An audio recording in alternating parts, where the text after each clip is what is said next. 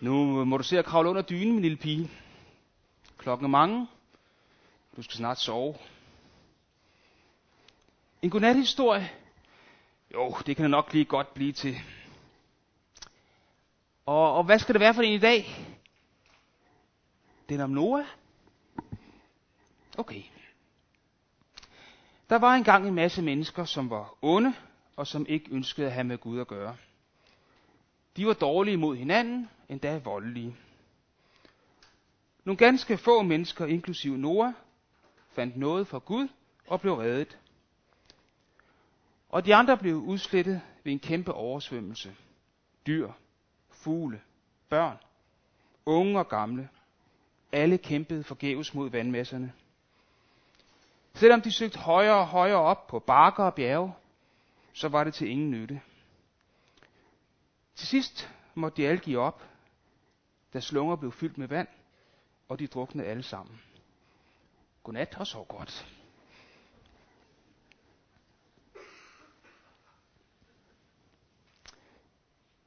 Beretningen om Noah, det er en af de mest kendte fra Bibelen.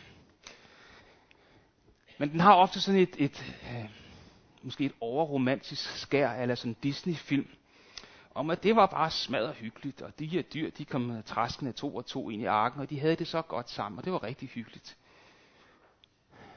Men det var ikke hyggeligt. Det var en, det var en forfærdelig historie og en forfærdelig begivenhed. Beretningen den står i 1. Mosebog, kapitel 6-9. Øh, og de her første kapitler i Bibelen, de er meget kompakte, og få vers handler om rigtig, rigtig mange århundreder. Og, og den her urhistorie, første historie, er ikke beskrevet i særlig mange detaljer. Men alligevel så fylder beretningen om Noah, den fylder fire kapitler. Og den er altså vigtig. Og øh, i det nye testamente, så refererer Jesus til Noah. Apostlen Peter, han refererer til Noah både i sit første og sit andet brev, og forfatteren til Hebræerbrevet skriver også om Noah. Vi skal i dag ikke læse alle fire kapitler, øh, men gøre nogle nedslag forskellige steder. Hvis du vil have hele sammenhængen øh, i historien om Noah, så gå hjem her i eftermiddag og læs kapitel 6 til kapitel 9 i første Mosebog. Og de første vers, vi skal læse, det er fra kapitel 6, vers 5-7, hvor der står sådan her. Herren så, at menneskenes ondskab var stor på jorden, og at alt, hvad de ville og planlagde dagen lang, kun var ondt. Der fortrød Herren, at han havde skabt menneskene på jorden. Han var bedrøvet og sagde, menneskene, som jeg skabte, vil jeg udslette fra jordens overflade. Både mennesker, kvæg, krybdyr og himlens fugle, for jeg fortryder, at jeg skabte dem.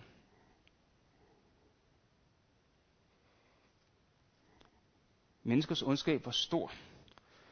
Men der står ikke noget om, at de, de handlede ondt. Der står, at det de ville, og det de planlagde, at det var ondskab, ondt. Ondskab, eller med andre ord synd, er ikke kun handlinger. Det kan også være vores tanker og vores holdninger. Man siger, at, at, at tanker er tolvfri, men de er absolut ikke syndfri. Og Jesus over i, i bjergprædiken i Matthæus, i starten af Matthæus, han fortæller også om det her. Øh, at, at selv vores tanker og motiver faktisk øh, kan være influeret af synd. Uden at vi overhovedet gør noget ved det. Så det var altså ikke en ny tanke i Bibelen, som Jesus kom med det her, øh, med at, at også der tanker kan være, kan være syndige. Allerede her i kapitel 6, der læser vi, at, at sådan var det. Og så står der, at, at Herren han fortrød, og at han var bedrøvet. Gud, ham som, øh, som har skabt alt, ham som styrer alt, han har følelser. Han kan blive bedrøvet, som han blev dengang på Noras tid. Men han kan også være glad. Der står også i Bibelen, at øh, han fryder sig over os, eller han fryder og jubler sig over, over os. Og vi er skabt i Guds billede, og vi har følelser, og Gud har følelser. Gud er så nær os, at vi kan påvirke hans følelser. En lille myre kan hverken gøre mig glad eller bedrøvet. Den kan, sammen med en masse af sine venner, måske gøre mig irriteret, hvis den laver en masse gange under fliserne, så det hele kommer til at ligge skævt. Men jeg har aldrig jublet, eller for den sags skyld blevet bedrøvet over en myre. Men, men vores handlinger, vores tanker, vores intentioner, de kan have indflydelse på, hvordan Gud har det. Om han bliver bedrøvet eller jubler. Og det er bare et par af de mange følelser, Gud kan have. Og i de næste par vers, der står der, Men Noah fandt noget for Herrens øjne. Dette er Noahs slægthistorie. Noah var en retfærdig mand, udadelig blandt sine samtidige, og han vandrede med Gud. Noah han øh, fandt noget. Han arbejdede sig ikke frem til. Han, øh, han fortjente det ikke. Han anstrengede sig ikke for at opnå. Han fedtede sig ikke ind for at få. Nej, han fandt noget. Noget, det er noget, vi får fra Gud. Det er Gud, der giver os det. Og det kan vi også finde. I Hebræerbrevet 4:16 står der, lad os altså med frimodighed træde frem for nådens trone, for at vi kan få barmhjertighed og finde noget til hjælp i rette tid. Og så står der, at Noah var en retfærdig mand, udadelig blandt sin samtidige, og at han vandrede med Gud. Og jeg tror, at nøglen til Noahs liv, det var, at han, han vandrede med Gud. Men hvad betyder det egentlig at, at vandre med Gud? I september sidste år, så var jeg sammen med Peter Rønberg, David Gredel og Rune Rasmussen. Vi var en tur i Norge. Og vi tog en dag ud for at vandre en sådan berømt øh, vandretur, en 6-7 timer over en bjergkamp, og det ser sådan her ud. Og, øhm, og vi, vi gik sammen. Og vi hjalp hinanden til at se, hvor det var godt at gå, når stien var utydeligt, eller det gik meget stejlt opad. Og vi ventede på hinanden, når en sakkede bagud. Eller sige, de andre ventede på mig, når jeg blev forpustet og havde sy- det syret i benene. Og vi holdt pauser sammen, spiste madpakke og nød den fantastisk gode udsigt. Og vi talte om, hvor, hvor langt vi havde gået, og hvor, og hvor langt der var igen. Og hvis vi havde været en gruppe kvinder, så havde vi sikkert også brugt tiden rigtig godt til at dele liv og dybere ting fra vores liv. Øh, men det kan jeg ikke lige huske, vi gjorde. Og vi fik øje på målet, tænkte, det er derovre, vi skal til, og hvor langt er det nu her, og hvor skal ned af denne her, og, og ej, nu er, det, nu, er det, nu er det da ikke så langt tilbage, og så videre. det er kun derovre, og så videre. Og vi kom sammen i mål. Gud ønsker, at vi skal leve vores liv sammen med ham at vi vandrer igennem livet med ham. Med ham som vores guide, som vores opmunter, vejviser, støtte, når benene syrer, eller det går stejlt opad på glatte sten. Men også ham, vi stopper op med, hviler med, og med ham glæder os over udsigten. Hvis jeg var taget til Norge alene, så ville jeg have haft tusindvis af undskyldninger for ikke at gå ud på den her vandretur, fordi jeg er alt for malig. Men fordi jeg var sammen med de andre, så kom jeg afsted og fik en fantastisk oplevelse ud af det. Og Gud han ønsker at vandre sammen med hver enkelt af os. Han rækker hånden ud til os og indbyder os. Kom og vandre. Kom og lev sammen med mig. Så hvor er du på din vandring med Gud i dag? Vandrer du tæt med Gud, eller er der kommet der afstand? Er der kommet noget imellem jer? Der er god tid til at snakke, når man vandrer. Så snak med Gud om, hey, hvis der er kommet afstand, hvis du føler, at du er snublet og faldet, så er Gud der også til at hjælpe dig op. Han rækker sig din hånd og ønsker at gå videre sammen med dig. Dem vi vandrer sammen med, de har indflydelse på os.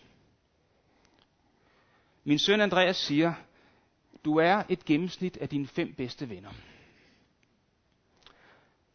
Og når vi lever sammen med Gud, og er sammen med ham i vores hverdag, så vil hans karakter, hans væsen, hans værdier få indflydelse på os og forme os. Og det oplevede Noah, og det kan vi også opleve.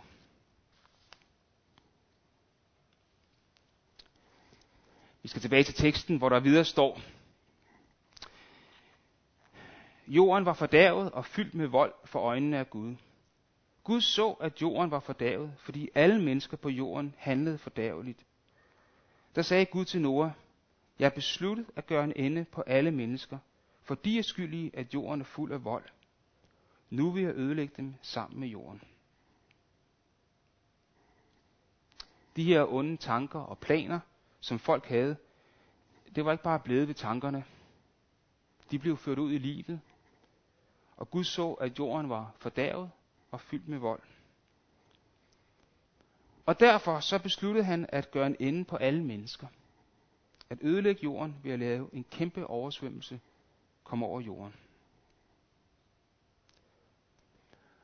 Og når jeg læser det, så kan jeg let tænke, ah, var det ikke sådan lidt en hård straf? Kunne de her folk ikke bare have fået sådan en mindre fy, fy, fy fra Gud, og så var det okay? Var det nødvendigt med den her hårde straf? Og grunden til, at jeg tænker sådan, det er, at, at jeg også er blevet inficeret med syndens virus. Jeg kan jo til en vis grad identificere mig med mennesker på Noras tid. Og derfor tænker jeg og ønsker jeg, ah, må der ikke være en mildere straf fra Gud. Men, men samtidig er vi skabt i Guds billede, og kender altså også godt den her følelse og indstilling, at nej, det, det skal gå retfærdigt til. Og hvis nogen har gjort noget forkert, jamen, så er der altså også en konsekvens og en straf.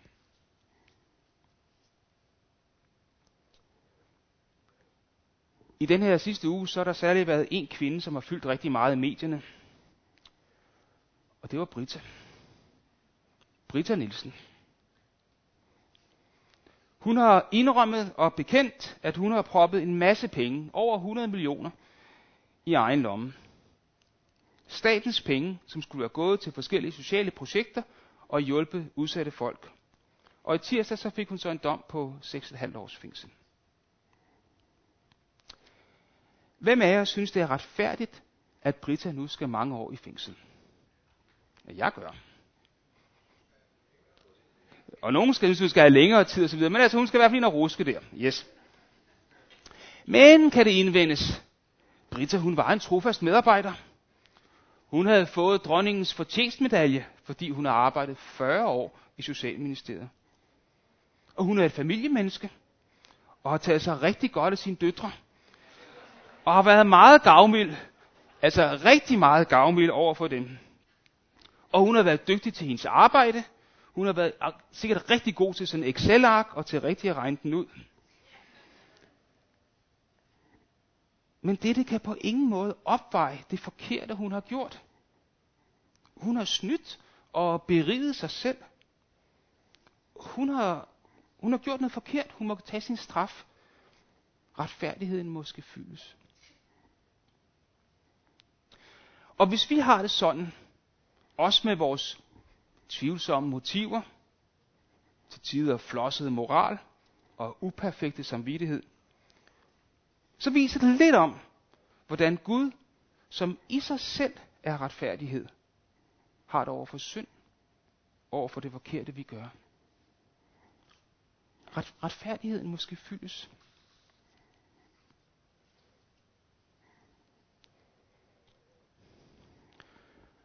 Gud han bad Noah om at bygge en ark. Jeg ved ikke, hvor lang tid det tog. Det tog lang tid. Det har været noget af et projekt, og det har kostet Nora en masse tid, penge og ressourcer. Og det var ikke bare sådan, så at Gud sendte sådan et byggesæt fra Ikea med alle plankerne og så en ordentlig bog, og så kunne han gå i gang. Nej, det har, det har virkelig været noget, der har kostet meget, meget blod, sved og tårer for Noah, måske hans sønner, som har hjulpet at få bygget den her ark. To gange står der både i kapitel 6 og i kapitel 7, at Noah gjorde ganske som Gud eller Herren havde befalet ham. På trods af omstændighederne, sol og varme og muligvis ikke en sky på himlen, så byggede Noah arken. Og naboer og venner har helt sikkert undret sig, rystet på hovedet og tænkt, at nu var Noah der for alvor blevet helt skør. Men han havde tro på Gud og tro på det, han havde sagt til ham. Og vandet kom, både fra kilder i jorden og som regn. Noah og hans familie, dyrene, blev reddet i arken, og efter lang tid kom de endelig ud på den tørre jord igen. Okay, det var lidt hurtigt at gå over den her del af beretningen, men du kan selv læse detaljerne i kapitel 7 og kapitel 8 i 1. Mosebog, når du kommer hjem. Og da de så kom ud af arken, så valgte Noah at øh, ofre nogle af de rene dyr, som de havde haft med i arken, og det glædede Gud. Og så står der over i kapitel 9, hvis jeg kan få lov til det. Det får jeg ikke lige lov til lige nu. Det kommer lige om et øjeblik. Tak. Gud sagde til Noah og hans sønner, nu opretter jeg min pagt med jer og jeres efterkommere. Med hvert levende væsen hos jer, fuglene, kvæget, alle de vilde dyr hos jer, alle der gik ud af arken, alle jordens styrke. Jeg opretter min pagt med jer. Aldrig mere skal alt levende udryddes af vandfloden. En vandflod skal aldrig mere ødelægge jorden. Normalt så er en, en pagt eller en aftale mellem, at uh, part 1 gør det her, og part 2 gør det her, og så har man en aftale. Men med Gud så er det anderledes. Gud siger, at det er min pagt. Aftalen er altså alene fra Guds side. Det er ikke sådan en form for en, en gensidig aftale. At hvis I gør det her, så gør jeg det her. Nej, Gud siger, det er min pagt. Og han laver den her ensidige pagt, hvor han lover, at der aldrig skal komme en vandflod og ødelægge jorden. Og som tegn på det her, så satte han øh, regnbuen, som vi nogle gange ser, når det er regnvejr, og solen titter frem. Og regnbuen er et tegn på løftet, Gud har givet. Sidenhen så har alle mulige andre også brugt regnbuen som deres banner for fred og stolthed og andelsbevægelsen og meget andet. Men regnbuen, det er et tegn på Guds pagt. Guds løfte til os. Og når du ser en regnbue, så glæd dig over Guds løfter. At de holder, og at han aldrig, aldrig bryder sine løfter, sin pagt. Forleden dag så var der en flot regnbue, som ramte lige hernede i kirken. Og Svend han tog et billede af den, hvis jeg kan få lov at køre.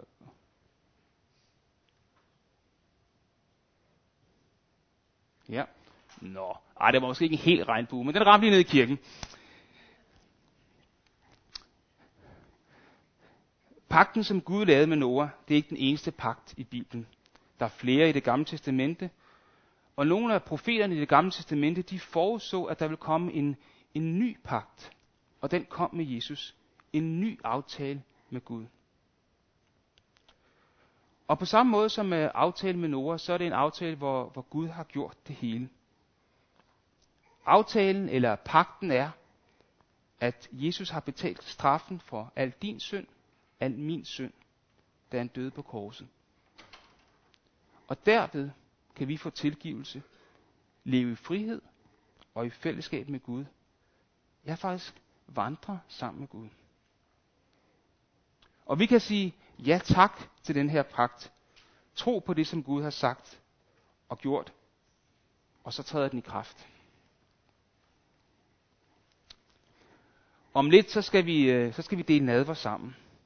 Og der vil David læse nogle vers fra Matteus evangelie, kapitel 26, hvor Jesus han øh, startede det her med at have øh, et nadverfællesskab med sine disciple, og der står, hvor I, står om Jesus, og han tog et bære, takkede, gav dem det og sagde, drik alle heraf, det der er mit blod, pagtens blod, som udgives for mange til syndernes forladelse. Vi kan se regnbuen som er tegnet på Guds løfte om, at han aldrig igen vil udslette jorden ved en oversvømmelse.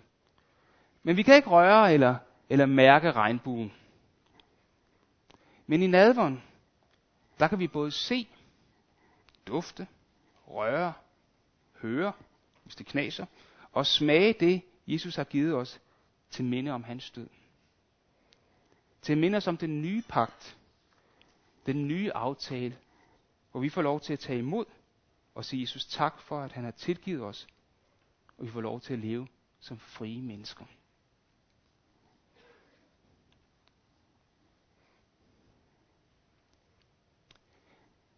Efter at Noah han havde fået regnbuen som tegn, og oplevet, hvordan Gud på den her mirakuløse måde havde reddet ham og hans familie, så begyndte han at så og dyrke jorden. Og efter alt, hvad Noah havde oplevet, så kunne vi let tro, at, at resten af hans liv, der levede han uden at gøre noget som helst forkert. Han var bare så taknemmelig til Gud. Men det eneste, der står om Noah, det er, at han plantede en vingård, drak vinen og blev fuld. Han blev så fuld, at han lå nøgen inde i sit telt, som han boede i. Det så hans yngste søn, Kam. Og da Noah havde sovet rosen ud, fandt han ud af, hvad der var sket, og blev rigtig gal. Han forbandede Kams søn Kanaan. Og der er flere forskellige mulige forklaringer på denne forbandelse, men det er i hvert fald tydeligt, at der var problemer og gid i Noras familie.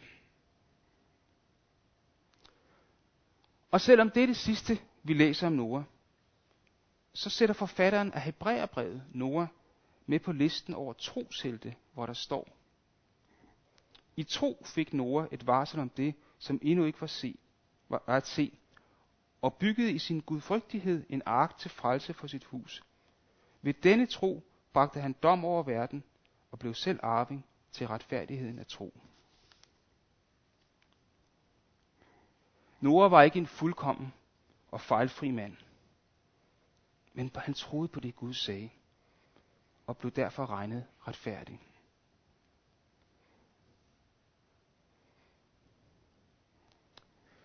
Nu må du se at kravle under dynen, min søde pige. Klokken er mange, og du skal snart sove.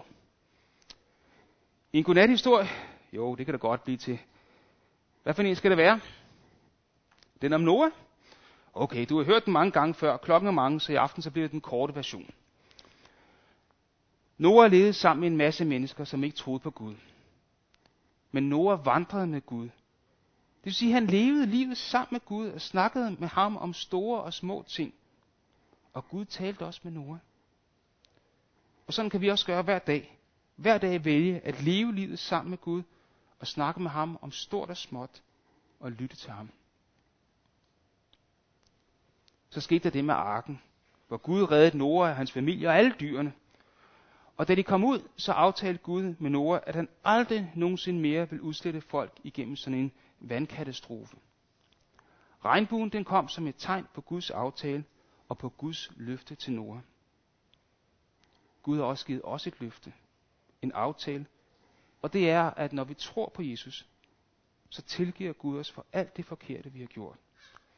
Og derfor, så kan vi, derfor kan vi leve, hvile og sove i tryghed og fred.